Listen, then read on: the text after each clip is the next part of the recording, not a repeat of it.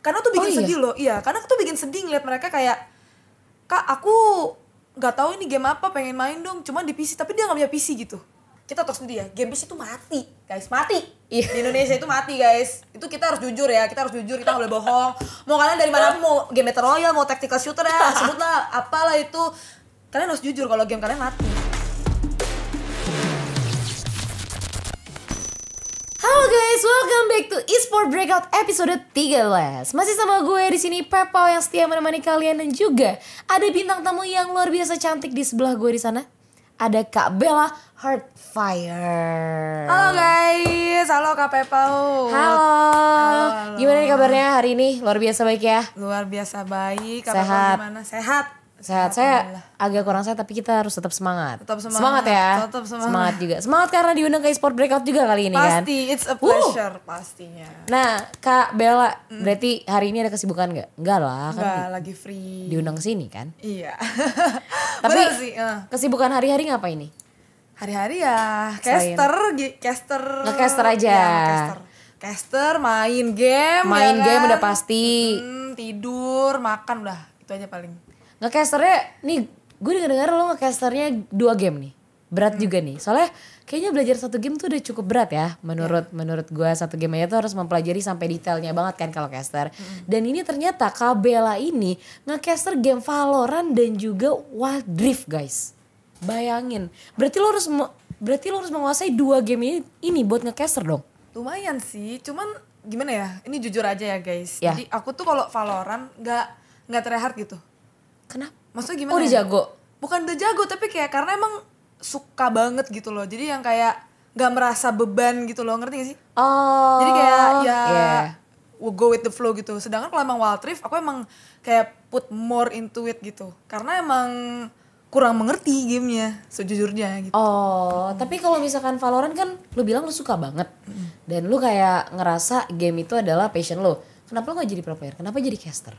Aku pro player juga Pro player Valorant. iya sempat tapi sekarang lagi bukan vakum sih tapi lebih ke kayak lagi inaktif gitu Terus kenapa beralih ke arah caster? karena Apa yang membuat lu tertarik buat jadi kerana caster? tertarik sih sebenarnya dari dulu tuh tertarik ya cuman kayak nggak pernah ada kesempatannya gitu loh soalnya Oh. game yang aku suka tuh dulu kayak nggak tahu belum ada kesempatannya aja gitu. Kalau yang dulu ya yang game sebelumnya game sebelah gitulah. Terus habis itu eh muncullah game Valorant. Kan kan baru sebentar tuh baru kayak dua Iya. tahun gitu. Terus habis itu kayak hmm, aku suka sama gamenya. Jadi aku kayak main aku suka sama gamenya. Terus aku kayak waktu itu jadi ceritanya gini ceritanya itu karena emang aku yang mau nih.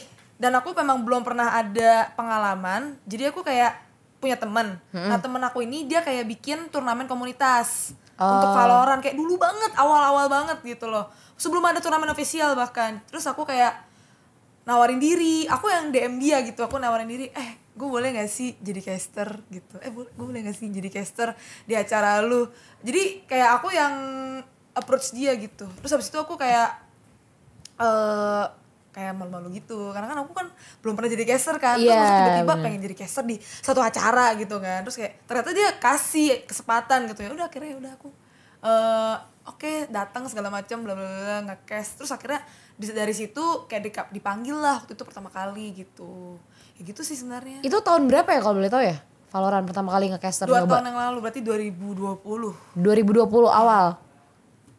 Pertengahan, Pertengahan. Juni atau Juli gitu Berarti sebelumnya pro player di tim Valorant juga di tim apa?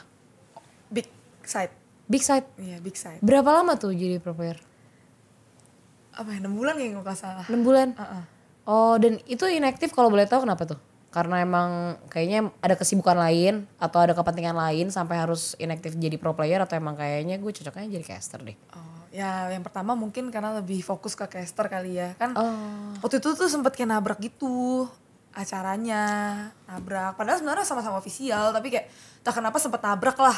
Pertama kali banget tuh nabrak. Terus jadi kayak aku mikir kan ini kayaknya nggak bisa nih kalau kayak gini. Aku kayak takutnya menghambat teman-teman aku lain. Kan kita main berlima ya nggak Iya, sendiri kan. Iya, jadi kayak bener. takutnya menghambat gitu loh. Jadi kayak "Ya udahlah mending kayaknya aku step down dulu deh gitu terus akhirnya mereka juga bisa ketemu yang pas gitu jadi ya good for them juga cuman aku tetap tetap di tim nggak nggak keluar gitu kayak six man jadinya gitu sih Oh, jadi kayak eh, pemain cadangan lah ya jatuhnya. iya Tapi kenapa kan lu suka banget sama game Valorant? Tiba-tiba muncul ide pengen jadi caster Wild Rift lagi nih. Wild Rift. Kenapa tuh? Iya. Wild Rift tuh jadi awal Ada Ini ide ya, ide kreatif banget ya. Sebenarnya Sampai jadi kayak Wild Rift nih gamenya. sebenarnya tuh bukan ide tahu soalnya itu kan gamenya beda banget ya. Kayak yang satu MOBA yang satu Iya. lagi FPS tactical shooter gitu. Sebenarnya beda banget. Awalnya tuh karena ditawarin aja gitu eh kamu mau nggak jadi caster Wild Rift gitu. Lalu aku kayak aku belum pernah main Wild Rift aku belum pernah main belum pernah main League of Legends bahkan. Belum pernah main LoL-nya gitu LoL PC kan. Terus Iya. yaudah aku coba main ternyata seru aja gitu seru juga gitu aku main sama teman-teman aku juga gitu berlima tapi ya aku lebih suka sama, Val- sama Valorant tetap kayak maksudnya nggak bisa bohong gitu loh kayak Jiwanya, emang jiwanya anak tuh FPS beda ya. iya beda. jiwa tuh beda gitu loh tapi ya aku tetap suka juga Wild Rift cuman awalnya bukan aku yang kayak nawarin diri tapi emang ditawarin ke Wild Rift gitu Tapi waktu itu posisinya udah nge-caster Valorant. udah Dan di tengah-tengah ada penawaran untuk caster Wild Rift. Iya betul Oh, jadi lu sempat belajar game Wild Rift tuh berapa lama tuh biar jadi caster? Game Wild Rift tuh baru juga Baru jadi Game juga? Wild Rift tuh setelah Valorant malah jadi emang bener-bener baru banget gamenya jadi nggak susah untuk belajar karena emang masih baru gamenya gitu Jadi, jadi, lu menguasai game itu berapa lama tuh kira-kira Kalau? Valorant Kalau Valorant kan udah dari lama kan. Iya. Kalau Wild Rift-nya? Kalau Wild Rift tuh Berapa ya bulan harus main dong? terus, harus main terus. Kalau bulan sih aku lupa ya berapa bulan, tapi Hah? dari pertama keluar tuh harus udah main. Jadi waktu itu aku udah main dari pertama kali keluar. Wow, luar biasa banget. tapi memang lebih susah sih Wild Rift karena kita kan harus hafal nama skill ya. Iya, Lebih susah dibanding kadang Valorant gitu. Yang skillnya nggak sebanyak Wild Rift, emang ada skill cuman kayak nggak sebanyak Wild Rift lah. Wild Rift kan banyak banget. tapi berarti secara maksudnya secara pilihan hati lah ya. Berarti lo lebih suka game yang di PC daripada di mobile. Iya, Iya. iya. Tapi tapi benernya kan Valorant bakal keluar nih Heeh, versi mobilenya. Iya. Menurut lo gimana tanggapan lo? Lo menantikan itu like excited banget atau kayak ah gue mendingan mendingan Valorant yang di PC ah. Gue nggak suka nih kalau misalkan Valorant dimasukin ke mobile pusing liatnya. Gimana ya? Takutnya ada sickness motion kan. Oh, kan iya. biasanya tiap tiap orang kan ada kayak gitu. Atau kayak kayaknya gue nunggu di mobile kayaknya lebih gampang kan ke mana-mana bisa megang HP dan main Valorant. Karena lu suka banget main Valorant kan. Iya. Gimana tuh menurut lo? Kalau aku sih, aku emang suka sama game aku. I love the game gitu loh. Cuman eh, kalau untuk Valorant Mobile kita kan nggak bisa dipungkiri gimana ya, nggak bisa. eh aduh bahasanya apa ya? Nggak bisa apa? Mengelak, mengelak. Bukan nggak bisa mengelak, tapi Meng- ke- nggak bisa membohongi. Iya nggak bisa membohongi, nggak bisa terlalu batu ya, batu gitu istilahnya nggak Iya, bisa terlalu batu. Kita harus open minded bener gak sih? Apalagi di zaman sekarang kayak games tuh banyak dan ya kita nggak usah pungkiri nih, yang membesarkan e-sports di Indonesia itu ya game mobile titik. Iya, Udah kita nggak iya. boleh bilang pokoknya gue game PC deh sampai mati nggak bisa, Oh, nggak bisa iya. karena emang game mobile nih bikin game apa yang bikin e-sports nih gede di Iya, Indonesia bener, gitu bener, loh yang bener. bisa bikin kayak maksudnya ada acara-acara besar gitu kan turnamen-turnamen besar gitu. Sampai orang-orang nih yang tadinya bukan gamer melirik ke games dan jadi gamer gitu loh. Iya, itu nggak bisa kita pungkiri dan. Ya kalau aku personally aku emang lebih suka game PC karena emang I'm born from PC gitu. Aku emang main dari dulu tuh game komputer. Cuman ya kalau misalkan nih memang dari Valorant sendiri kan bakal ada game mobile-nya kan. Bakal ada Valorant mobile dan nggak tahu sih bakal sama atau enggak ya sama yang PC maksudnya kayak apakah sistemnya sama apakah bakal ketemu atau enggak? Harusnya sih enggak sih harusnya sih enggak. Cuman nggak tahu bakal kayak gimana. Cuman excited sih. Soalnya ini kayak buka kesempatan lebar nggak sih buat orang-orang di Indonesia semakin tahu Valorant? Karena gini aku sering banget nemu. Jadi ada turnamen Valorant gitu. Cuman eh para viewernya nih banyak juga yang nggak tahu ini game apa. Cuma mereka kayak nonton aja. Tapi kayak karena tuh bikin Oh, iya? sedih loh. Iya karena tuh bikin sedih ngeliat mereka kayak kak aku nggak tahu ini game apa pengen main dong. Cuman di PC tapi dia nggak punya PC gitu. Itu tuh bikin kayak aduh. Aduh gimana ya? gimana ya rasanya tuh? Tapi dia tetap nontonin gitu tetap loh. nonton tetap penasaran ini game apa sih gitu. Cuman nggak ada di PC eh cuman nggak ada cuman dia nggak ada PC gitu. Dan dia juga gak tahu game itu apa kan. Maksudnya kayak menurut gue bagus sih kalau misalkan dimasukin ke Valorant mobile karena bakal berkembang pesat juga di Indo kan. iya. Apalagi kan sekarang kan kalau mobile kan gampang dibawa ke mana-mana lah. Kalau PC kan sekarang harus kalau harus ngerakit PC, harus ada yang punya PC, segala macam kan bebannya cukup berat juga kan. Kalau masuk ke turnamen juga kayaknya kalau PC cukup berat kan. Dan kalau menurut gue ya gue juga excited sih. Tapi katanya Valorant Mobile itu tuh skillnya bakal susah banget tuh. Jadi gue ngeliatnya kayaknya ini kayak 10 jari main nih kalau misalnya Valorant Mobile nih. 10 Skill-skillnya ya. masuk-masuk semua nih. Iya gak sih? Lu udah lihat ininya belum sih?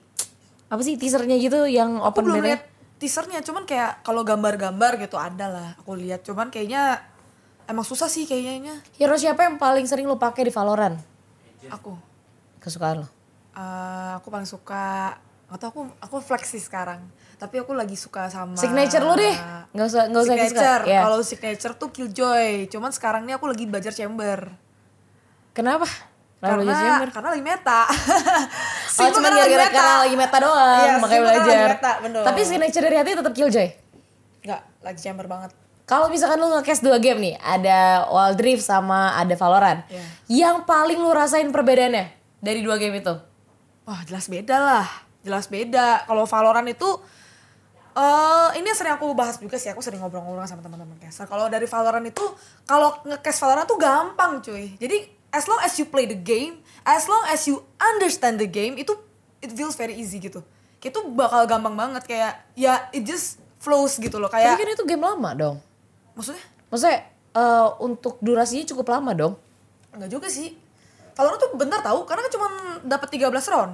Itu iya sih, tapi kan sebentar. itu lebih lama daripada Wild Rift dong jatuhnya. Oh iya jelas. Nah. Tapi Wild Rift itu kan kalau nge-cast biasa BO5. Semi apa kayak Waduh berat juga tuh gak ada BO5. BO3 tuh dia. Enggak, BO5 BO5 rata-rata. gitu. Iya. Sama aja jatuhnya. Kalau gitu. Soalnya kan kalau Valorant kan BO3. Kalau mereka kan BO5. Wild Rift. Oh, terus terus lanjut lanjut lanjut. Sebenarnya ini lebih ke perbedaan di apa namanya? technicalnya, bukan technical sih, lebih ke in game-nya kali ya. Kalau Valorant itu tuh game yang kalau lu paham, udah lu gampang gitu kayak dia kan lebih ke game yang tactical shooter nih kayak lu mesti paham fundamental di dalam gamenya. Kayak misalkan apa itu pick apa itu strafe apa itu uh, rotation apa itu apa itu kayak kalau misalkan lu main tuh bakal jauh lebih gampang gitu. Tapi kalau kayak Wild Rift menurut gue itu lu mesti bener-bener paham kayak oh ini skillnya nih harus bener-bener hafal gitu. Dia kasih uh, damage-nya berapa persen? Dia kalau dipakai sama ini berapa persen? Dia cooldownnya berapa lama? Dia kalau misalkan tambah item ini tambah berapa persen? Itu kan mesti bener-bener paham gitu ya. Iya. bener-bener kayak lu mesti catet gitu loh. Oh ini gini gini gini gini gini gitu. Cuman kalau Valorant tuh lebih kayak eh lebih mudah aja gitu. Ah tapi ada susahnya juga beda gitu. Sedangkan kalau misalkan Wild Rift nih. Ya. Wild Rift itu kan kita kan kalau game MOBA kan banyak fight ya Ah, iya. banyak iya, fight, iya. banyak Bener. kayak war 5 lawan 5 iya. gitu. Dan di Wild Rift itu ada objektif gitu. Di which is objektifnya ini kayak misalkan ada dragon, ada Rift Scuttler, ada misalkan Rift Herald, ada Baron gitu. Dan setiap ada objektif itu pasti ada war. Jadi warnya tuh kita tahu nih kapan aja gitu. Maksudnya misalkan 5 menit sekali itu war atau enggak 3 menit sekali war, masuk menit segini war gitu kita tahu. Nah, kalau Wild Rift itu lebih gampangnya itu kayak kita tuh bisa komentarin apa yang di dalam game. Ya udah kita tinggal sebut aja misalkan dia pakai skill ini, dia pakai skill ini, dia pakai ini, ini, ini, ini, udah tinggal sebut aja gitu. Sedangkan kalau misalkan Valorant, misalkan game FPS, itu kan bahasanya gitu-gitu aja ya. Iya. Kayak misalkan masuk ke dalam site A, masuk ke dalam site B, misalkan lewat A-Link, lewat B-Link, lewat mana gitu. Nah, bahasa bahasanya tuh gitu-gitu aja. Nah, tantangan di dalam nge-cast Valorant tuh menurut aku lebih ke gimana caranya kita bisa storytelling gitu sih. Kayak bikin cerita gitu Oh. cari bahasa yang bagus gitu. Itu penting banget kalau misalnya nge-cast game FPS karena kan kita nggak bisa terlalu kayak nge-cast play by play kan. Iya. kalau game MOBA kan lebih play by play tuh. Kalau FPS tuh nggak bisa kita harus nge-cast yang kayak lebih kayak mata elangnya gitu lebih ke white side-nya gimana gitu. Bikin cerita. Bahasa Indonesia tuh benar-benar penting banget di Waduh, dalam berat banget ya kalau- FPS Emang iya sih kalau nggak caster. Tapi kalau lu disuruh belum ada sih emangnya. Tapi kalau misalkan ada caster in Englishnya Valorant dan Wild Rift lu mau ngambil juga nggak? wah kalau ada kesempatannya emang mau Mau juga. Mau. Berarti lo emang anaknya suka menjalin hal yang menantang. Menarik. Iya dong. Boleh. Iya bener Iya juga dong. sih. Karena kan tapi emang lo udah jago di caster in English atau emang kayak gue pengen nyoba aja gitu? Pengen nyoba pernah aja. pengen nyoba aja, Iya. penasaran. Penasaran bisa nggak ya kira-kira? Tapi kalau misalnya disuruh jadi pro player Wild Rift, LOL, mau nggak? kayaknya nggak bisa deh. Bantai saya guys ya. Emang iya? Iya. Kan nggak dicoba dulu, kan gak ada yang tahu. Gua nggak bisa main cuma bisa main support doang. Tapi kan lebih seru daripada nge-caster dong kalau jadi pro playernya. Karena kan pro player oh, LOL tuh dipandang loh yang wanitanya. Maksudnya waktu kemarin aja hampir-hampir ya di diterbangkan ke SEA Games juga kan, tapi kan gak jadi. Mungkin ada masalah di belakang kan. Nah, maksudnya kayak dilihat banget loh, dilirik loh pemain wanitanya. Nggak mau juga tetap jadi pro player.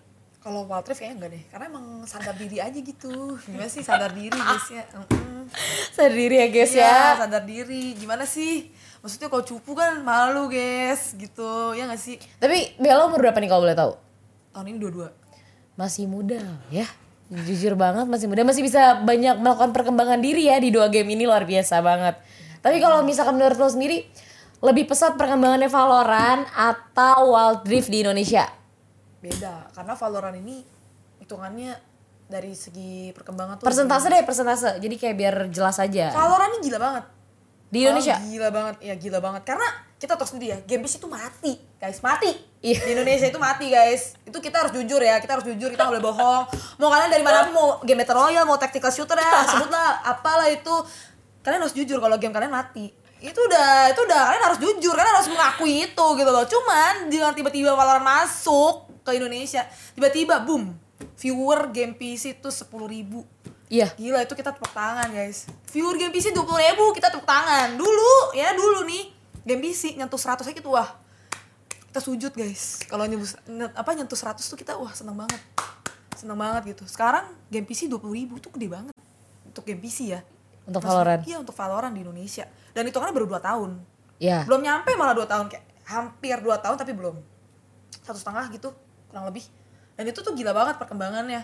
Sedangkan kalau untuk Wild Rift tuh em, Dia emang dari game lama ya Dari League of Legends. Jadi Mm-mm. dia bisa ngebawa eh, komunitas-komunitas dari League of Legends Yang emang udah ada lama di Indonesia gitu. Cuman ya sayangnya Rift ini emang agak lebih susah. Karena apa? Karena game mobile kan udah banyak gitu loh. Jadi Iya. tentu pasti banyak dari segi pilihan gitu bisa dibilang ya. Kayak orang-orang tuh udah lebih familiar dengan game yang sebelah gitu loh. Kompetitor lah. hmm, game kompetitor itu udah lebih familiar gitu. Jadi mungkin Rift ini harus lebih di bahasanya tuh didoting ya dimanjakan gitu loh dibandingkan dengan Valorant kalau menurut aku itu sih Oh. Hmm, jadi emang perkembangannya lebih bagus Valorant. Mm-mm. Berarti kalau secara persentase ya Valorant udah 70-80% lah ya di Indo. Wah lebih 200% kali Rift. 200%. iya nggak Lebih dari 100% tuh berarti Valorant. karena exceeding expectations kalau Valorant itu oh, melebihi ekspektasi. ekspektasi ini kan sebenarnya sebenarnya waktu itu lo ekspektasinya Valorant gak bakal seramai ini kan di Iya. Indo. Iya. Dan karena game PC itu juga balik lagi karena kan Betul. game PC kan kayak aduh males banget sih orang Betul, orang yang spesifik punya saya. PC doang tuh yang bisa ngerti gamenya kayak gimana. Kalau sekarang kan kalau ngelihat Wild Rift harusnya harusnya pasarnya lebih gede dong karena di mobile. Semua orang udah ngerti mobile. Cuman ya gara-gara game kompetitor itu juga sulit gimana kan nggak bisa kita paksain juga ya guys ya. Mm-mm. Iya. Ya ya guys ya ya ya ya. Heeh, betul.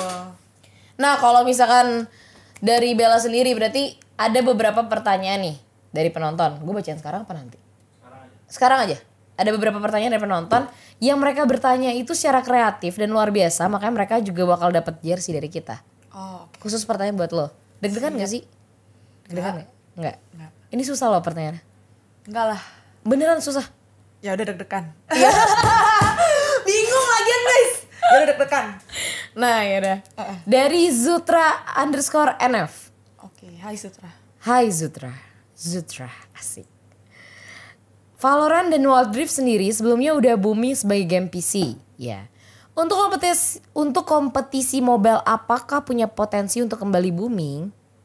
Mengingat untuk game mobile sangat populer di ranah e-sport Indo. Tadi kayaknya udah jawab ya. Tolong Zutra kamu nggak memperhatikan dari tadi ya. Tolong ya kamu dari tadi bikin saya emosi kamu di sini ya. Coba bisa dijawab lagi, diterangkan. Untuk kompetisi untuk kompetisi mobile apakah punya potensi buat kembali booming nggak? Tentu Mobile. lah. Pasti.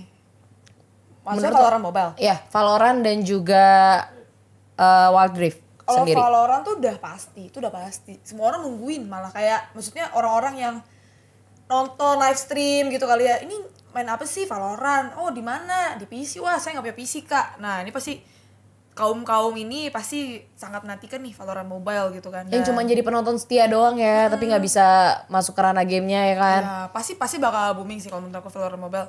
Cuman aku nggak bisa jamin kalau Valorant Mobile ini bakal lebih besar dari PC. Karena memang gamenya emang game PC gitu Iya. nggak tahu ya nggak tahu ke depannya gimana karena saya Cenayang guys kalau saya Cenayang saya nggak di sini gitu Oh iya benar Heeh. juga tuh, benar tuh dengerin.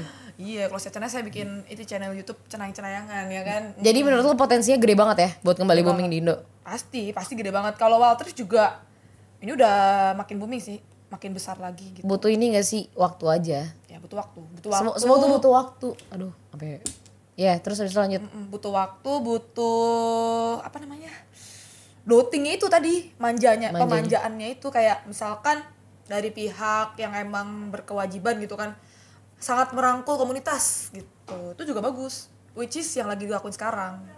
Oh merangkul gitu. komunitas kayak soalnya Wild Riff ini bergerak dari komunitas. Komunitasnya solid solid kayak misalkan komunitas Bali komunitas eh, Bandung komunitas dari Jogja ya kan? Komunitas komunitas Wild Riff gitu. Mm-mm, lagi dirangkul banget dan semuanya lagi bersama-sama membesarkan Wild Riff gitu. Oke tuh. Jadi menurut Bella sendiri buat Zutra ini potensinya gede banget. Cuman ya balik lagi ke dua game tadi ya udah diterangin ya. Terus selanjutnya nih ada pertanyaan dari Masla99. Halo Masla. Masla kenapa sih namanya Masla? Saya juga dia bingung. Nih ada pertanyaan adalah kenapa memilih e-sport? Terus kalau nggak sukses berkecimpung di e-sport, apa plan atau profesi dari guest sekarang? Dari Bella sekarang. dari aku Ya. Kenapa kenapa pilih e-sport dulu? oh ini cerita panjang Cerita dong, Jadi cerita. awalnya itu sebenarnya mau di shortcaster. Jadi awalnya itu saya hanya gamer biasa. Saya hanya suka main game gitu, main game sebelah tactical shooter yang sebelah. Hmm. Ya kan? Yang sekarang udah banyak pindah ke Valorant juga gitu. Ya kalian tau lah apa namanya yang gak usah disebutin gitu kan. Hmm, yang itu, yang itu, hmm, yang itu. Heeh. Sempat jadi pro player juga di sana. Oh. Tapi nggak lama karena memang nggak ada scene-nya itu Iya dia. iya Jadi iya cuma iya. sebulan Gak doang ada, ya. gak ada pasarnya, gak ada penontonnya. Hmm, jadi emang ya tapi udah sempet booming tuh sempet kayak wah nih ada picture-picture apa maksudnya poster-poster rame berlima gitu. Cewek-cewek kan main game sebelah itu. Nah tapi eh, emang gak ada turnamennya karena pernah sempet dibikin turnamen tapi tim yang daftar cuma dua gitu kan. Karena memang tidak ada scene-nya gitu loh gitu kan. Jadi ya udah memang itu tidak perlu dibahas sampai di Iya, situnya. Terus yang menang satu nggak? pesimis. Yang menang satu Oh, dua? tidak jadi turnamennya. Oh, jadi. Iya, cuman ya gitu lah guys. Eh, terus habis itu tapi tim kita tuh sempat kayak jadi lirikan gitu lah dengan dari beberapa orang-orang yang emang ada di sport gitu. Hmm. Saat itulah juga eh, poster ini dilirik oleh salah satu tim e-sports. Boleh disebut nggak? Boleh? Boleh. Boleh Tim RRQ saat itu. Oh, gitu. oke. Heeh, tim RRQ eh lebih tepatnya CEO-nya itu Pak Hmm. Ape itu ngelirik dari si foto ini gitu. Nah, habis itu dia tertariklah sama eh, aku karena aku ada di situ kan. Karena kan berlima, ada aku dong otomatis masa Iya nggak ada dong, masa nggak ada? Heeh, jadi dia DM aku lah gitu, DM aku di Instagram. Halo Bella, kamu tertarik? Dia langsung chat tuh, Pak Ape langsung chat, inget bannya Kamu tertarik gak jadi BA-nya RRQ? Aku tuh saat itu gak tahu RRQ itu apa. Ya Gak tahu RRQ apa. Serius aku gak tahu guys. Jadi kerjaan aku tuh cuma main game, ya kan? Aku gak tahu RRQ itu apa. Aku tanya lah sama adek aku yang lebih update nih soal e-sports gitu loh. Karena tuh awal-awal banget e-sports baru kayak booming kayak tahun 2017 kalau gak salah atau 2018. Dulu banget berarti udah kayak 5 tahun yang lalu ya. Terus kayak tanya adek aku eh ini apa sih RRQ kamu tahu nggak? Gitu kan. Tahu c ini gila banget c gitu kan. Lalalala, gitu. Terus habis itu kayak oh gitu ya? Oh iya iya iya. Terus akhirnya ya udah. Tapi aku saat itu kayak mikir aku masih mau di PC gitu. Kayak masih apa ya masih batu lah istilahnya gitu kan. Cuman ada satu momen di mana eh aku kayak ketampar gitu loh sama hidup.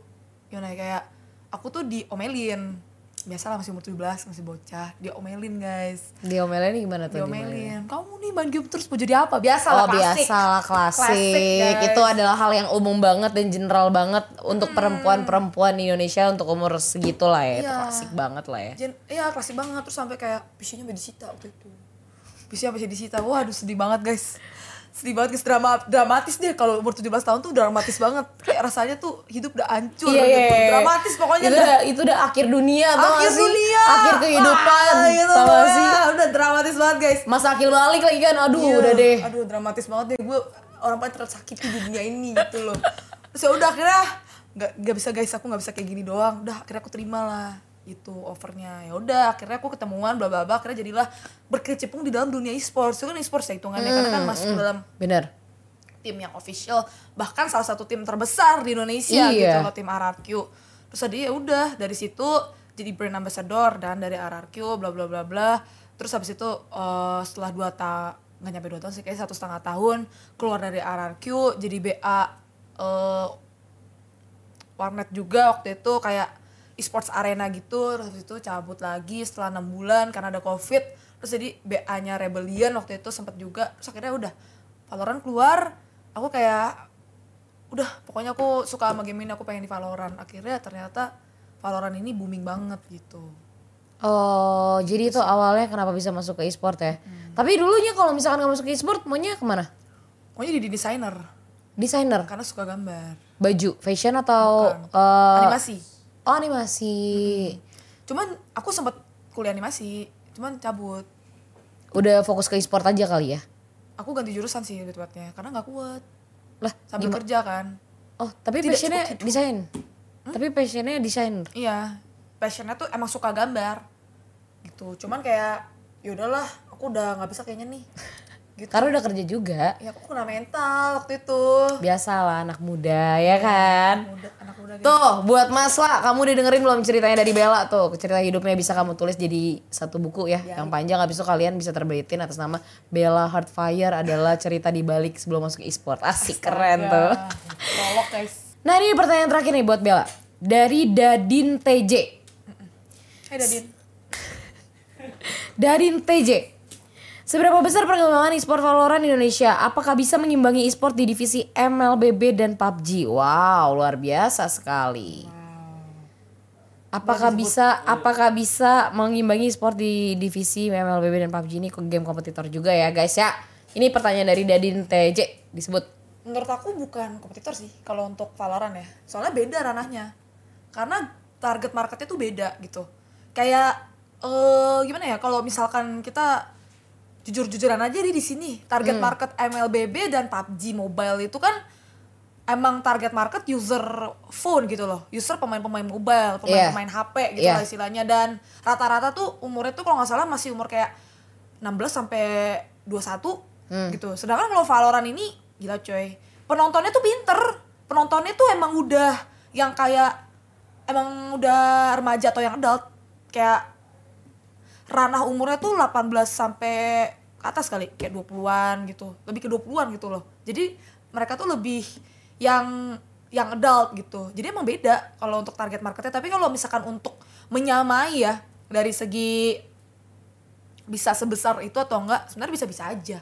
Karena sekarang kita ngelihat Valorant ini is growing in a rate yang bisa dibilang stabil dan bahkan exceeding expectations gitu loh di mana viewer ini makin bertambah makin bertambah makin bertambah di mana kita eh, lihat aja nih ya dari viewer challengers Indonesia yang kemarin yang bener-bener di Indonesianya Berdasarkan statistiknya. Iya, dari statistiknya dari total view ya. Coba kita lihat nih dari Valorant Esports Indonesia karena mungkin kalau nggak ngomong dari soal statistik mungkin tidak percaya guys. Tapi kalau dari statistik kan it's numbers, so you have to believe it. Nah, tuh bener. Nah, nih, Challengers Indonesia. Challengers Indonesia itu total viewsnya sampai ke 400 ribu, sampai ke 500 ribu. Itu kan besar ya? Ya, lumayan. Nah. Gede banget menurut gue. Iya untuk game PC dan untuk yang eh, ke mana ke bagian bisa dibilang ke bagian Asia Pasifiknya tuh 500 ribu yang nonton dan itu channel Indonesia gitu loh channel Indonesia sedangkan Valorant ini tuh an esports yang benar-benar global banget di mana kita nggak usah pungkiri ya kalau MLBB, PUBG itu mungkin esports yang lebih ke Asia banget gitu loh, yang kayak Southeast Asia, Southeast Asia banget lah. Sedangkan kalau Valorant ini yang kemarin baru berlangsung tuh kan Masters, Ya. Masters itu kan ditayangkan dan diselenggarakan di Reykjavik, Iceland. Iceland itu tuh mereka ngundang dari eh, challengers-challengers yang ada di beberapa negara dan beberapa benua gitu. Dua dari Asia Pasifik, satu dari eh, Korea, satu dari Jepang, satu dari Latam, satu dari Brazil, dua dari aduh lupa kan tuh. Oh, tiga dari IMEA. Banyak lah pokoknya gitu. Jadi e-sports yang bener-bener global banget gitu loh. Jadi kayak untuk soal viewsnya sendiri kita nggak bisa samain sama yang kayak MLBB gitu yang cuman kelihatan di Indonesia nggak tapi ini e-sports yang bener-bener mendunia gitu loh di mana Jepang aja tuh yang nonton bisa sampai 900 ribu channel Jepang ya channel Jepangnya Wow. 900 ribu channel Indonesia 200 ribu channel Korea 200an ribu misalkan gitu Ah. channel eh, Latam berapa ratus ribu channel yang utamanya berapa juta gitu jadi digabungin gitu besarnya gitu Berarti rata di berbagai belahan dunia mana pun ya? Betul. Dan mungkin orang-orang merasa kayak ini game-game yang kayak gini tuh Asia selalu dipandang sebelah mata. Tapi itu dibuktikan salah di Masters gitu loh. Di mana dari tim Jepang ini top 3. Tim Asia Pasifik ada dua pemain Indonesia di sana. Itu top 4 gitu. Jadi kayak mem- mem- memperlihatkan gitu loh bahwa ini tuh bukan game yang cuma North America banget atau Europe banget gitu. Tapi juga an Yes, iya. international esports gitu loh. Wow, luar biasa. Tuh. Nih, Indonesia juga masuk lima besar negara terbanyak player aktifnya di Valorant. Tuh. Iya. Tuh guys. Tepuk Tangan guys buat Tuh. kita. Woo. Tepuk tangan buat game Valorant. Iya buat Valorant. Nah, yang udah luar biasa. Kita pengen nunggu ini sih. Paling ter nunggu. Nah, Valorant Mobile. Gimana sih boomingnya bakal sama kayak Valorant PC atau kagak ya? Kan kita nggak tahu nih. Kita tunggu aja. Kita tunggu aja. Cuma Nah, gue semangat sih. semangat juga. Gue juga semangat sih. Cuman walaupun gue kayaknya agak overthinking kayaknya kalau pakai 10 jari kayak gue udah give up duluan deh kalau pakai 10 jari begini. Soalnya skill-skillnya kan banyak kayak kan. Terus kayak kayak susah deh. Gue kayak kayak kayak nggak bakat deh gue kalau udah main 10 jari dalam satu HP dan HP-nya kayak agak kecil juga kan. Jadi gue kayak gue mending give up aja guys. Balik aja ke PC nggak apa-apa it's okay. Yang penting kan tetap main game Valorant ya dong. Main jet di HP. Iya udah capek banget kalau kayak gitu. Main skill-skillnya udah banyak banget juga kan. Nah teman-teman semua kayak kita udah ngobrol-ngobrol panjang banget ya. Kayak kita bakal ngobrol-ngobrol di belakang lagi ya kan, lanjutin lagi di belakang di belakang layar ya. Nanti kalau misalnya pada mau tahu datang aja ke kincir. Eh enggak enggak enggak. Enggak. Nanti aja kita bakal spill. Bella yang spill sendiri deh ngobrol-ngobrol apa. Tapi thank you nih teman-teman kalau misalkan kalian udah nontonin dari awal sampai akhir tadi. Jangan lupa juga so- support sosial media kita di follow Instagramnya at Kincir Esport dan juga subscribe dari Kincir Esport sendiri like, share, turn on notification ya. Jadi kalau misalkan ada muncul podcast lagi nih, misalkan nanti ada Bella lagi guestnya, kalian bisa tahu langsung dapat infonya atau bisa follow Instagramnya Bella at Bell Heartfire. Nah, mohon maaf nih teman-teman apabila ada salah-salah kata, ngomongnya ngalur ngidul, ya bener nggak? Ngalur ngidul. Nah, terus ke mana-mana. Pokoknya eh, kita juga pengen tahu pendapat kalian tentang gimana nih perkembangan game Valorant sama game PC. Kalian bisa komen di kolom komentar ya kan. Komen hal yang positif guys, jangan negatif terus jadi orang tuh. Sebarkan positive vibes tuh. Dan sampai ketemu di eSport Breakout selanjutnya. Masih sama gue Pepau. Gue Bell Heartfire. Kami pamit undur diri. Bye-bye. See you.